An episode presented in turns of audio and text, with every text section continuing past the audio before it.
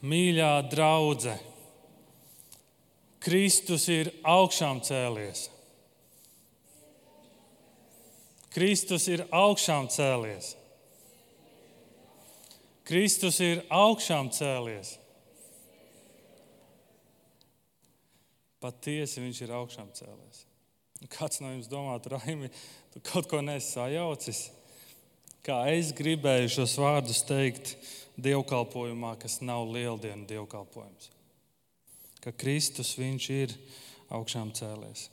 Un kad mēs sakām šos vārdus, mēs sakām šos vārdus ne, nevis tikai lai apliecinātu kaut kādu faktu vai vēsturisku notikumu, kas notika 2000 gadus atpakaļ. Kad mēs sakām, Jā, Kristus ir augšām cēlies, mēs to sakām ar apliecību, lai apliecinātu to cerību, kas mums ir, ka mēs ticam, ka tas ir mūsu ticības pamats un ka tās ir mūsu ilgas, kad arī mēs tiksim augšām celti. Kad arī mēs tiksim augšām celti. Es, es no savas bērnības atceros kādu spilgtu epizodi. Es nezinu, kāpēc tieši šo. Ir dažādas spilgtas epizodes, ko es atceros no savas bērnības. Bet atceros, es, es, um, es pārnācu mājās, es biju galīgi mazs puika. Es pārnācu mājās, bija saulaina diena, skolā gāja labi, es esmu mājās. Un pārnāku no skolas un domāju, nu, kādas divas stundas kaut ko padarīšu, atpūtīšos un tā tālāk, un tad pildīšu mājas darbus un tā tālāk. Un, tā bija forša, skaista diena. Bet tad, pēc kāda laika, pārdās mana mamma no darba bet šoreiz viņa bija citādāka. Tādu mammu, savu mammu tādu es biju redzējis varbūt divreiz savā dzīvē. Viņa ieradās mājās satriekta, viņa raudāja. Un, un to pat nevarētu saukt par raudāšanu, bet viņa tā kā vaimanāja un, un skaļi, skaļi kliedzas šajās asarās, šajā raudāšanā. Un, un mēs nevarējām saprast, kas noticis, kāpēc. Un, un viņa pat, viņai vajadzēja ievilkt telpu, un viņa pat kādu laiku pat nevarēja pateikt, kas ir noticis. Es nezināju, ko darīt. Izrādās, mammas māsas meita tajā dienā gāja traģiskā avārijā bojā uz vietas. Es nezināju, ko teikt, un es nevarēju pasakāt, es, es nezināju, kā reaģēt. Bet Viņa bija satriekta, dziļas sāpes. Mana māsīca gāja bojā. Es viņu tik maz pazinu. Tās bija dziļas sāpes, tās bija skaļas nopūtas. Es savu mammu tādu nebiju redzējis. Un tā, kad tu atver portālu, ziņu portālu tu, tu lasi, ka pavisam nesen Latviju pāršāca traģiska ziņa. Pļauniekos kāds zērāja šoferis uzbraucis trīs cilvēkiem. Un no notikuma vietas aizbēdzis, un starp šiem trim cilvēkiem ir kāda maza meitenīte, kura vēl, vēlāk slimnīcā nomira. Kādas sāpes, kādas ciešanas, Es pat nespēju, es pat nevēlos iedomāties to, kam vecāki iet cauri. Ciešanas un dziļas nopūtas. Nopūtas nāk no dziļām ciešanām. Mēs esam šajā skaistajā vēstulē romiešiem. Es ļoti ceru, ka arī tev šie vēstule romiešiem ir kaut kas, jā, tas ir piepildīts, dziļš, bet skaists. Un tad mēs esam šajā skaistajā 8. nodaļā. Un, un 8. nodaļā, 16. un 17. pantā mēs lasām, un gars pats kopā ar mūsu garu liecina, ka mēs esam Dieva bērni. Bet, ja bērni, tad mēs esam arī mantinieki, Dieva mantinieki un Kristus līdzmantinieki. Un pagājušā reizē kopā ar sludinātāju Markus mēs domājam par to, ka mums nav jādzīvo bailēs, jo mēs esam adoptēti. Un tad šī skaistā doma par adopciju, ko mēs domājam, un, un, un kas man ļoti uzrunāja. Un, ja mēs esam mantinieki, tad arī Kristus līdzmantinieki. Bet, ja mēs esam līdzmantinieki, ja vien līdz ar viņu ciešam, lai līdz ar viņu nāktu godībā. Līdz ar to mēs arī mantojam, esam līdzmantinieki Jēzus Kristus ciešanās. Ciešanas.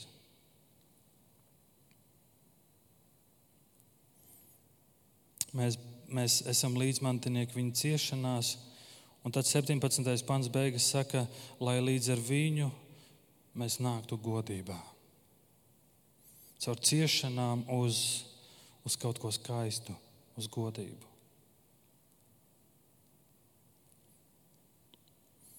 Jēzus Kristus pēdējās vakariņās ar saviem mācekļiem pie galda teica šādus vārdus: Pasaulē jums būs bēdas, pasaulē jums būs bēdas.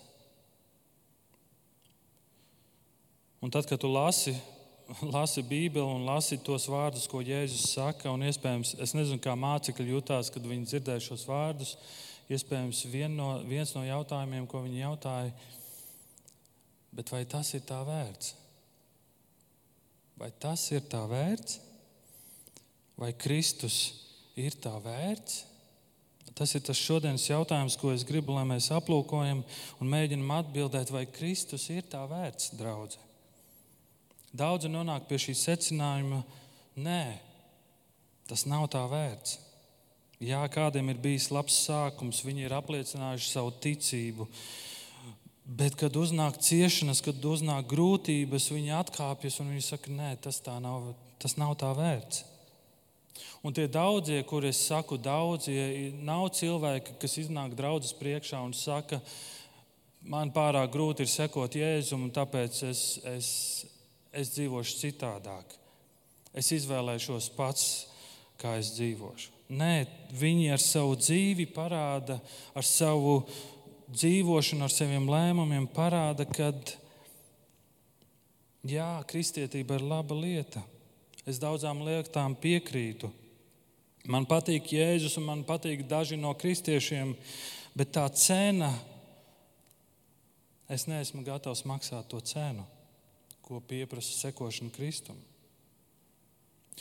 Un to saka cilvēki, to sakām bieži vien mēs, Eiropieši un, un rietumnieki, kas dzīvo šajā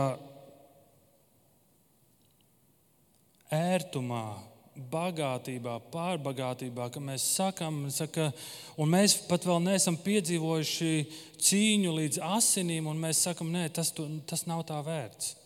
Sekot Jēzum, tas nav to vērts. Kad man paliek nērti, vai es gribu lietas darīt citādāk, vai liet, tas, ko Bībele sauc par grēku, es to negribu saukt par grēku. Un, un es negribu šīs nērtības, es negribu atteikties, es negribu būt vientulībā, es nevēlos atteikties no iekārēm, es ne, nevēlos piedzīvot kaunu Jēzus dēļ. Nu, tāpēc es saku, nav vērts sekot Jēzum. Nav vērts sekot, dzīvot tā, kā Jēzus to pieprasa. Man pavisam nesen bija kāda saruna ar kādu brāli Kristu. Un, un tā bija ļoti interesanta saruna. Un šīs sarunas laikā mēs, eh, viņš atcerējās kādus eh, tādus lielos ticības vīrus tepat Latvijā. Un viņš saka, tu zini, viena lieta, ko es pamanu un ko es redzu, ka šie lielie ticības vīri, kas ir uzņēmušies kādas kalpošanas, vai kuriem ir lielas vīzijas un ambīcijas un Kristu dēļ, un viņš saka, un viena no lietām, ko es redzu, viņi iet grūtām ciešanām cauri. Viņi saskaras ar lieliem izaicinājumiem, ciešanām, bieži vien traģiskām lietām. Un tad viņš teica šādu lietu. Viņš teica, zini, es labāk dzīvoju tādu remdenu dzīvi, lai man nav jāpiedzīvo šādi izaicinājumi, lai man nav jāpiedzīvo šādas ciešanas. Viņš to neteica saviem vārdiem, bet viena no lietām, ko es varēju izsecināt, viņš saka, ka man ir bail. Man ir bail. Un tāpēc ir šis jautājums, vai tas ir tā vērts, vai sekot Kristum ir vērts. Un šodienas panti, 18. līdz 25. tur ir tos atvērtus. Pāvils pilnīgi droši ar pārliecību saka, pilnīgi un pavisam jā. Tas ir tā vērts. Un es šajā brīdī varētu teikt, aizvērt Bībeli un teikt, izlasiet mājās paši. Pāvils saka, tas ir tā vērts. Bet es gribu, lai tu aizej mājās ar trīs lietām. Es gribu, lai mēs domājam, skatoties uz šiem pantiem. Un ko, ko šajos pantos es gribu, lai mēs ieraugam? Pirmkārt, Jēzus izmaina mūsu aprēķinus. Otrām kārtām, Jēzus izmaina mūsu nākotni. Un trešā lieta, Jēzus izmaina mūsu nopūtas. Un tad beigās es, es gribu, lai tu izdarīsi secinājumu, vai ir tā vērts. Vai ir tā vērts. Jēzus izmaina mūsu aprēķinus.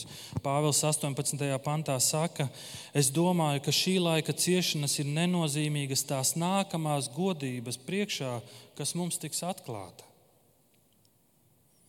Pāvils sāk vārdu šo 18. pantu ar vārdiem: Es domāju, es, es domāju, es domāju. Cik bieži tev sanāk domāt? Par ko tu visbiežāk domā? Kad tu brauc uz Vīlandi, par ko tu domāji? Ar ko ir aizņemts tavs prāts? Par ko tu domāji pagājušajā mēnesī? Vēstules autors raksta, ko viņš domā. Un Pāvils vispār var redzēt, daudz domā, bet viņš nedomā tādā filozofiskā līmenī par dzīvi, kas ir dzīves jēga un tā tālāk. Bet šeit šis vārds, es domāju, oriģinālā valodā, kas skan logizomai, nozīmē, es veicu inventarizāciju, es izmērīju, es skaitīju. Tad, kad Pāvils saka, es domāju, ka šī laika ciešanas ir nenozīmīgas tās nākamās godības priekšā, kas mums tiks atklāta, viņš saka, es apsēdos un es aprēķināju. Te kaut kas tiek skaitīts. Pāvils kaut ko salīdzina, viņš kaut ko aprēķina. Un šī domāšana nebija vienkārši Pāvila kaut kāds personīgais viedoklis, bet ļoti konkrēti aprēķināts secinājums balstīts uz faktiem.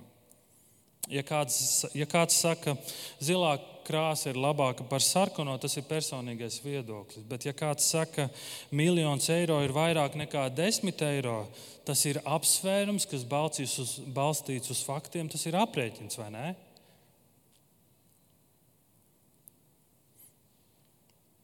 Par ko tu esi domājis šajā pēdējā laikā? Ko tu esi aprēķinājis? Un viena no lietām, par ko es esmu ļoti pārliecināts, tu esi aprēķinājis savu elektrības rēķinu un gāzi.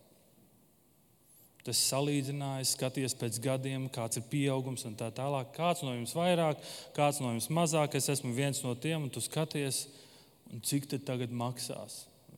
Trīs plus ģimenes kārta, kāda, kāds labums no tā, ka, kas tur būs labāk vai vai ko tas man nozīmē, kas jāmaina un tā tālāk. Kāpēc mēs to darām? Jo, jo nauda mums ir baigi svarīga. Mums ir svarīgi ietaupīt, mums ir svarīgi dzīvot lētāk, ērtāk un tā tālāk. Un tā tālāk. Tāpēc mēs aprēķinām. Bet šeit Pāvils nerunā par elektrību un gāzi draugu. Šeit viņš aprēķina un viņš salīdzina ciešanas ar nākamo godību ciešanas un nākamā godība. Un Pāvils veids tādu aprēķinu.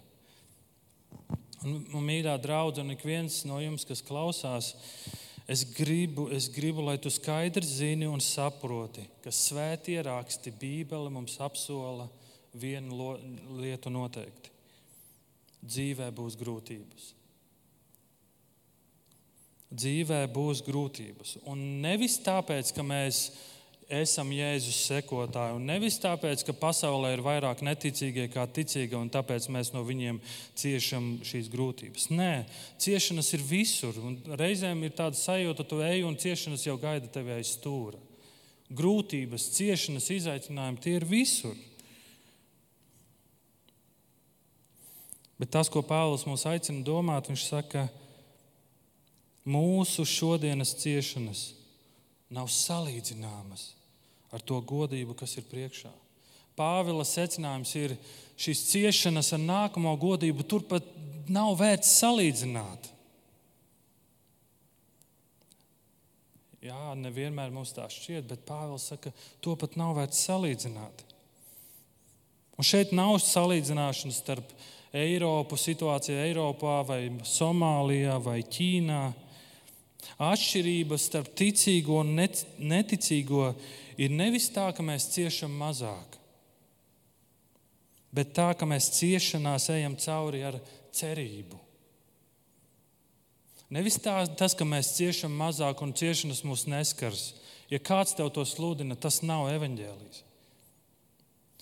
Bet tāpēc, ka tā atšķirība ir ticīgie iet cauri ciešanām, bet viņi iet ar cerību. Viņi iziet citādāk. Un jautājums nav par to, vai es cietīšu, cietīšu bet kā es cietīšu. Kā es iešu tām cauri? Vai ciešanas manā dzīvē būs vēl viena lieta, kas norādīs uz Kristu un parādīs, cik Kristus, cik dzīve ar Kristu ir skaista pat tad, kad es esmu ciešanās? Pat tad, kad gāzes rēķins ir trīskāršojies. Ja tu zini, kurp tu dodies nākotnē, tad šodienas nētības, ciešanas, Pāvils tā stingri ar pārliecību saka, tu pat tām nepievērsīsi uzmanību. Ja tu zini, kur tu dodies rītdien. Un tāpēc tas jautājums, vai ir vērts sekot Kristum? Romiešiem 8. nodaļa 19. pants. Arī visa radība ilgodamās gaida, kad Dieva dēli atklāsies godībā. Tātad šī godība, par ko Pāvils runā, ar ko viņš salīdzina, viņš saka, godība tā tuvojas. Un kad tā atklāsies, tā atklāsies tik spēcīgā veidā, ka tā nāks pār mums un tad būs jauna kārtība. Viss tiks atjaunots, un arī visa radība tiks ar mums atjaunota šajā jaunajā stāvoklī.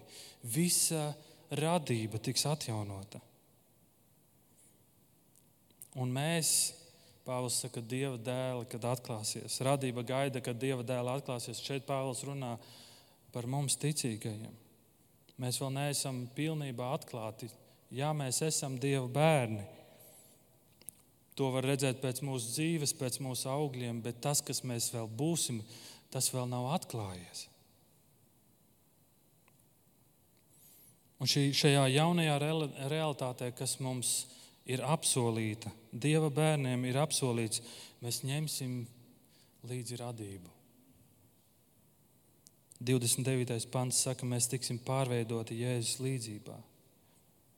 Lūk, kā Pāvils grib, lai mēs ieraugam, skatāmies uz šo godību, kuru vēl mēs skaidri neredzam.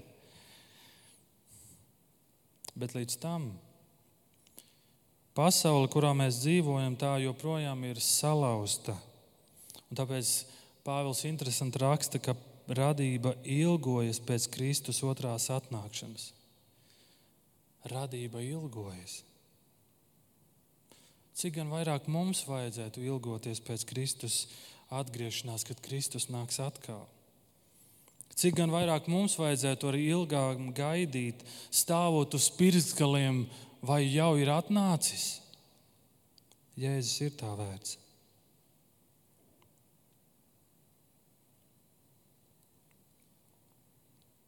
Otrā lieta, ko es gribu, lai mēs domājam, ka Jēzus izmaina mūsu nākotni. Kad Ādams un Ieva krita grēkā, tad kaut kādā veidā visa daba, radība tika pakļauta šim grēkam. Un 20. pantā mēs lasām, jo radība ir pakļauta nīcībai nevis labprātīgi, bet pēc tās pakļāvēja gribas, un tā ir cerība. Radība ir pakļauta. Tur redzi, kaut kas ir noticis, kad Ādams un Ieva krīt grēkā, un tad mēs, kad viņi krīt grēkā, mēs iepazīstam terminu, ko sauc par lāsts. Lāsts par zemi. Un šodien mēs noteikti visi ļoti labi to redzam un varam piekrist, ka daba nav tā, kāda tā ir bijusi kādreiz. Katrā paudzē noteikti ir teikts, Tajos laikos zāle bija zaļāka, debesis bija zilāka. Kurš no jums tā ir teicis? Pats liet roku. Un, paldies, Reini. Atzinās, paldies. Un tā mēs domājam no paudzes, tajos laikos daba bija citādāka. Un tev nav jābūt zinātniekam, lai to pamanītu, ka daba uzvedas jocīgi.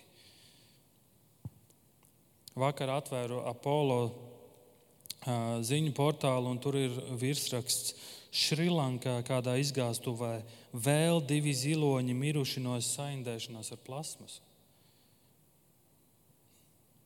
Un ziņu portāli paši izvēlas, ko ziņot un ko neziņot, bet tā katastrofa pasaulē, ko mēs darām ar dabu, ir, ir, ir, ir briesmīga. Un zinātnieki saka, ka tas ir tikai loģiski, tās ir sekas. Un Pāvils šeit atgādina, un, un, un Pāvils saka, ka visa radība ir pakļauta iznīcībai, bet ne labprātīgi. Un ko tas nozīmē? Un, un tad mēs atgriežamies uz radīšanas stāstu. Mēs redzam, Ādams un Ieva ir kaut ko sastrādājuši, viņi ir krituši grēkā. Un tāpēc radība ir pakļauta nīcībai. Tas nozīmē, ka visa radība ir atsvešinājusies no mums un arī no sevis. Kāpēc? Grēks. Grēkam ir sekas. Grēks ir konflikts ar Dievu, grēks ir sacelšanās pret viņu, grēks ir atteikšanās ļaut Dievam būt Dievam, grēks ir šī vēlme mums pašiem būt Dieviem, grēks ir, ka mēs noraidam Dieva žēlastību, noraidam Viņa piedošanu. Grēks nozīmē, ka viss, kas man nepieciešams dzīvošanai, ir atrodams manī. Viss, kas man nepieciešams, ir atrodams manī. Un, kad mēs atskatāmies uz visiem gadsimtiem, ko tad cilvēks ir šādā statusā, šādā stāvoklī sasniedzis? Katrs centiens izveidot Eģipti, izveidot ēdenes dārzu šeit uz zemes, mūs ir novedis tikai lielākās problēmās. Mēs paši sevi esam pakļāvuši tehnoloģiju verdzībai.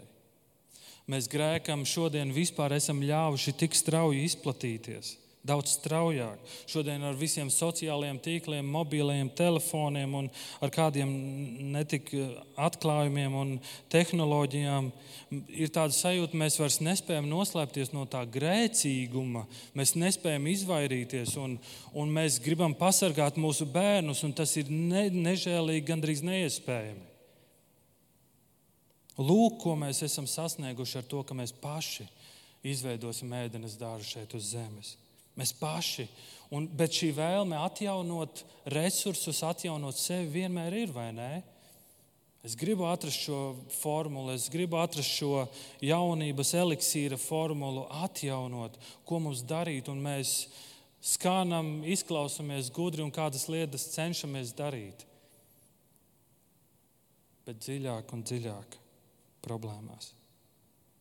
Ik viens, kas dara grēku, ir grēka vergs, saka Jēzus. Bet alga par grēku ir nāve. Nāve. Un, kad tu skaties uz pasauli, šķiet, visa pasaule ir tādā nepārtrauktā nāves ciklā. Mēs katru dienu kļūstam vājāki, lietas noveco, Bet Pāvils 21. pantā saka, bet ir cerība. Jēzus maina manu nākotni. Un Pāvils saka, radībai ir cerība. Reiz tā tiks atbrīvota no samaitātības verdzības. Pāvils saka, ka planēta, galaktikas, tāpat kā bērns, kas gaida Ziemassvētku rītu, ar nepacietību gaida to pašu brīvību, ko mēs iegūsim, kad Jēzus mūs augšām cels. Jā, tur ir lāsts, bet radība gaida krāšņu nākotni. Jēzus maina nākotni gan man, gan mums, gan arī visai radībai. Sāpju vietā būs prieks un tikai prieks. Tikai prieks, tu spēj to iedomāties. Un interesanti, kā Pāvils raksta, mēs zinām, 22. pantā, ka visa radība līdz šim laikam nopūš, nopūšas un cieši radību mokas. Daba nopūšas kā tāda grūtniece, kas tūlīt, tūlīt dzemdēs. Es nezinu, kā ir dzemdēt. Neesmu to piedzīvojis, neesmu to izjutis. Bet mana sieva gan zina. Un es atceros, ka mums piedzima pirmā meitiņa. Un, un, un līdz tam es biju ļoti mierīgs, ar mani viss bija kārtībā. Tad mēs dodamies uz stradiņiem, un, un, un eh, jau ir tumšs un nakts. Un, un piedzimst pirmā meitiņa, piedzima Amēlija. Un, eh, un es atceros, tad mums bija istabiņa, mēs esam stradiņos, tur tādā istabiņā ģimenēm. Un, un tajā naktī man uznāca tādas vēdera sāpes. Jūs pat nespējat to iedomāties. Un es sāku tā kā vaidēt. Un, un, un pēkšņi naktas vidū man, man, man Marta saka, kas tev ir, tev viss kārtībā? Es neatceros, es varētu būt, kad es kaut ko minēju par, par grūtniecību, par dzemdībām. Un es teicu, sāp tā kā, tā kā dzemdībās, un mana sieva tikko dzemdējusi. Viņa saka, tu joko? Un šodien mums tāds mūsu ģimenes joks, kad Raimons arī zina, kā tas ir dzemdēt. Bet izrādās tas bija, tas bija stress, kas atbrīvojās. Bet manā gadījumā tas bija caur vēdera sāpēm. Nu, sāpēja nežēlīgi, bet ne, ne tik ļoti, kā tas bija manai sievai. Un Pāvils saka, mēs dzīvojam uz planētas, kurā mēs visi piedzīvojam sāpes, ciešanas un nāvi. Bet tas, ko Pāvils saka, tas nav gals. Ciešanām, ciešanas nav galavārds, nāve nav galavārds, tas nav viss. Tam nepieder galavārds. Kāpēc sāpes? Kāpēc šīs sāpes? Tāpēc, ka ir lāsts. Un tad, kad ir sāpes, sāpes ir kā tāds rupors, kas atgādina mūsu sacelšanos pret Dievu. Pirmajā mūža grāmatā Dievs saka, ievai, sāpēs tu dzemdēsi. Un tas ir kā atgādinājums katru reizi, kad sieviete dzemdē. Tas ir kā atgādinājums tam, ko, tas, ko grēks ir nodarījis mums un mūsu pasaulē. Sāpes ir kā tāds rupors, kā atgādinājums, ko grēks ir nodarījis. Bet tāpat laikā, kāds ir teicis, jo lielāka tumsa, jo spožākas zvaigznes. Un, kad tu parunā ar jauno māmiņu, kura tikko dzemdējusi, tad viena no lietām, ko tu dzirdi, ko šīs jaunās māmiņas saka, tas bija tā vērts. Tas bija tā vērts. Vai es gribu atgriezties tajā sāpēs? Nē, bet es skatos uz šo bērniņu un es zinu, tas bija tā vērts. Tas bija tā vērts. Un lūk, ko Pāvils vēstulē romiešiem mums grib pateikt, pat daba, un es gribētu teikt, pat daba kliedz un saka, ir tā vērts.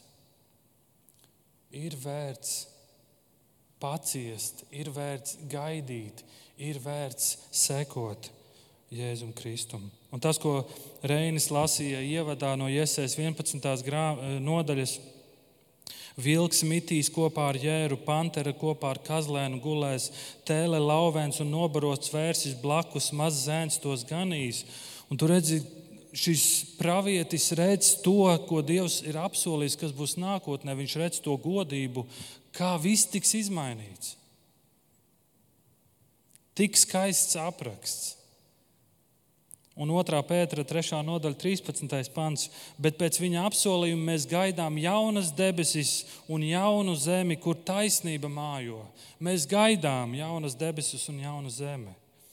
Redziet, Dievs ir apsolījis radīt jaunas debesis, jaunu zemi. Viņš ir apsolījis izskaust visas slimības, invaliditāti. Viņš ir apsolījis, ka tūkstnesī plūdīs traumas. Viņš ir apsolījis, ka plašās tūkstneša zemes tiks aizstātas ar ūdens dīķiem, svaigiem avotiem un sulīgu vegetāciju. Viņš ir apsolījis vietu, kur valda nepārspējams miers, labklājība, kur nav grēks nav ļaunums, bet tikai spēcīga mīlestība pret Dievu. Lūk, mūsu nākotnes godības, ko mēs ceram, ko mēs gaidām.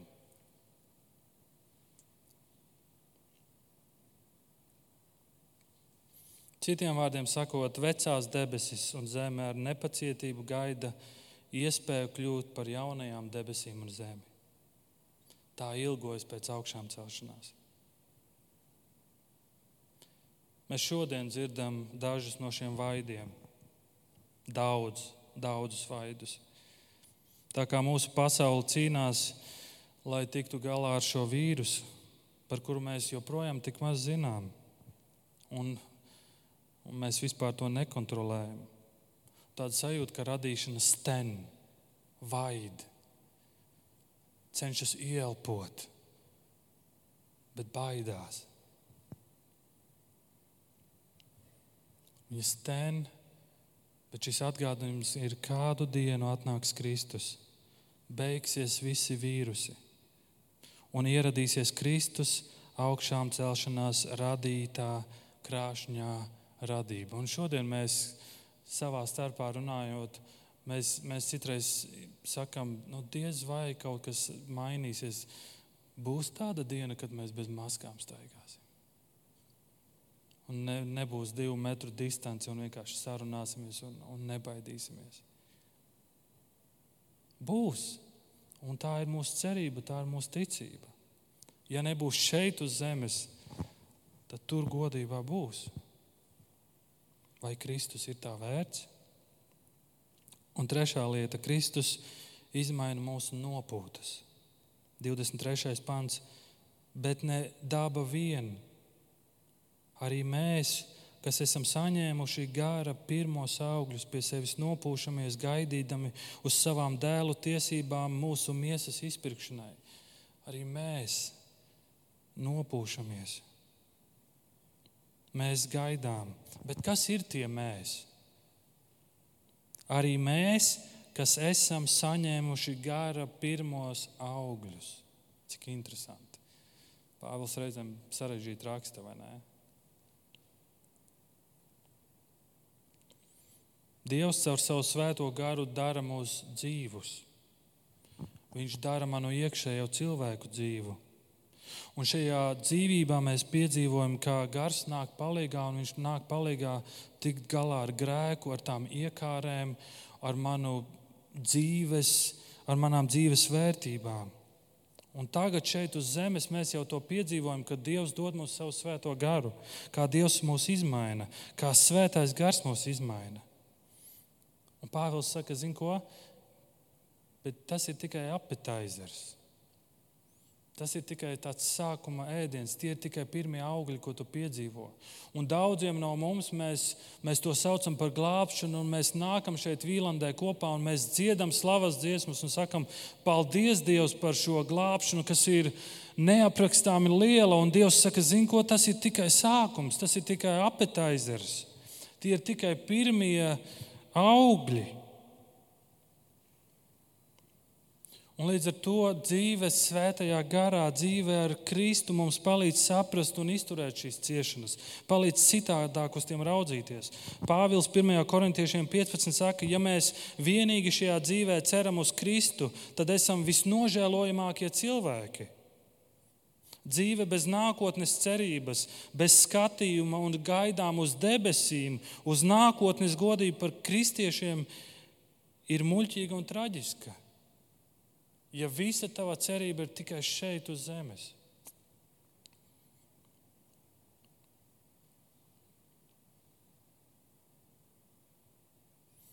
Un Pāvils raksta, un tas mums liek dzīvot ar cerību un gaidām uz dēlu tiesībām. Uz dēlu tiesībām. Pagaidi, Raimond, Mārkus pagājušajā jau to runā. Mēs esam adoptēti, viss ir izdarīts. Par kādām, uz kādām dēlu tiesībām mēs vēl gaidām? Jā, Dievs visu ir nokārtojis. Visi papīri ir sakārtoti, viss ir parakstīts. Bet mēs vēl neesam tur, kur Jēzus mums ir vietu sagatavojis. Tāpēc mēs sakām, Jēzus ir augšām cēlies. Kristus ir augšām cēlies, un tā ir mana cerība, jo mana miesa būs diena, kad mana miesa tiks augšām celta. 1. Thessaloniķiešiem 4.14. Mēs ticam, ka Jēzus ir miris un augšām cēlies. Tāpat arī Dievs tos, kas Jēzus žēlstībā aizmiguši, augšām cels līdz ar viņu. Bet kāpēc tas liek mums nopūsties? Kāpēc svētais gars mūsos liek mums nopūsties šajās sāpēs, šajās ciešanās? Kāpēc ir šīs nopūtas? Kas to liek mums darīt? Kad mēs pagaršojam šo apetaizeru, mēs saprotam, es gribu visu. Es gribu visu. Es esmu saņēmis tikai nelielu priekšskatījumu par augšām celšanās dzīvi bet tagad es vēlos visu. Mūsu ārējā persona vēl nav, ienāk, vēl nav ienākusi pasaulē, kurā mūsu iekšējā persona jau ir iegājusi, un mēs ar ilgām gaidām. Svētais gars mūsos liek mums nopūsties, bet ar cerībām, ar gaidām. Bet nopūsties ne tikai sevis dēļ, Ne tikai sevis dēļ mēs nopūšamies par apkārtējiem, kas vēl nav dzirdējuši ziņas par Jēzu. Mēs nopūšamies par tiem, kas, iet, kas dzīvo bez cerības. Mēs nopūšamies par visām tām sāpēm un ciešanām, kas ir visapkārt. Bet mūsu nopūtās ir cerība. Un tāpēc Pāvils saka un aicina, tāpēc dzīvot cerībā, jo cerībā mēs esam pestīti. Dzīvo cerībā. Šo dedzīgo gaidīšanu Bībele sauc par cerību. Tā nav tikai es vēlos, es ceru, ka mūsējie uzvarēs. Tā nav cerība. Cerība nav vēlme, cerība ir betons. Kaut kas, par ko es esmu pārliecināts. Cerība par to, kas nāk. Kaut kas, ko mēs gaidām ar pacietību, bet joprojām nopūšamies. Šīs nopūtas ir nopūtas, jā, ir grūti. Visiem, ticīgais, neticīgais, bet man ir cerība, ka šis nav gala vārds. Mēs daudz ko nezinām par mūsu nākotni ar Dievu, tāpēc tas reizēm šķiet biedējoši, jo tur ir daudz nezināmā. Taču mēs joprojām ilgojamies un gaidām pēc tā, pateicoties Jēzum. Jo, kad Jēzus ir atnācis, viņš ir tik daudz atklājis, viņš ir centies tik daudz pastāstīt, viņš ir centies tik daudz parādīt ar savu dzīvi, ar saviem vārdiem, ar brīnumiem, ar visu, ko viņš ir teicis, ar pravietojumu piepildījumu. Jēzus izmaina manas nopūtas, Jēzus izmaina tas, kā es eju cauri ciešanām. Vai viņš ir tā vērts? Es nezinu, kas to ir teicis, bet ir kāds interesants teikums. Un varbūt Reinis to var apstiprināt, vai tā ir patiesība vai nē. Cilvēks spēja dzīvot 40 dienas bez ēdiena. Tā ir Reina. Astoņas dienas bez ūdens, astoņas minūtes bez skābekļa. Nu, kāds varbūt labi trenēts cilvēks bet nespēja vienu sekundi dzīvot bez cerības. Bet nespēja vienu sekundi dzīvot bez cerības. Un Pāvils Kolosiešiem 3. nodaļā, 1. pantā saka, ja nu jūs esat augšām celti līdz ar Kristu, tiecieties pēc tā, kas augšā, kur Kristus sēž pie Dieva labās rokas. Tiecies! Tad, kad tu domā, domā par Kristu, domā par to godību, tiecies, meklē, jautā, domā, ja vajag aprēķini, lasi un aprēķini, vai tas ir to vērts. Jēzus izmaina manus aprēķinus, Jēzus izmaina manu nākotni, un Jēzus izmaina arī manas nopūtas. Jēzus to visu maina, jo viņš ir augšām cēlies. Mīļā draudzene, viņš ir tā vērts. Viņš ir tā vērts. Lūksim.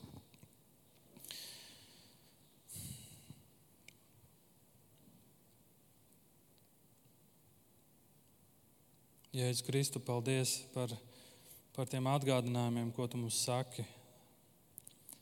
Šie vārdi mums šeit, Latvijā, Eiropā, noteikti skan citādāk, kā šie vārdi skan Ķīnā, kādā vietā, kur ticīgie sapulcējas bailēs, ka viņus noķers un ieliks cietumā. Bet es ļoti lūdzu, palīdz, ka mēs esam tie, kas domājam, nepārtraukti domājam par to, ko tu saki, ko tu esi apsolījis. Un ko tas nozīmē man, Latvijam, šeit, Latvijā, kur mana alga ir daudz augstāka par vidējo samaksu. Ko tas nozīmē cerēt un likt savu cerību uz tevi? Vērst savas domas uz tevi meklēt tevi. Un es ļoti lūdzu, lai kaut mūsu dzīvē ir šī no, šīs nopūtas par sevi, par saviem bērniem, bet arī par cilvēkiem apkārt. Un ka mēs šajās nopūtās ar cerības pilnu saucienu saucam pēc tavas žēlastības, pēc tavas glābšanas mūsu bērniem, mūsu kaimiņiem, mūsu kolēģiem, mūsu studiju biedriem, mūsu draugiem, mūsu ģimenēm. Jā, Jēzus Kristu, maini mūs un palīdz, ka mēs esam tie, kurus pazīst pēc tās cerības, uz ko mēs gaidām. Pēc tevis, Jēzu. Svētī mūs tavā vārdā, to lūdzu. Āmen.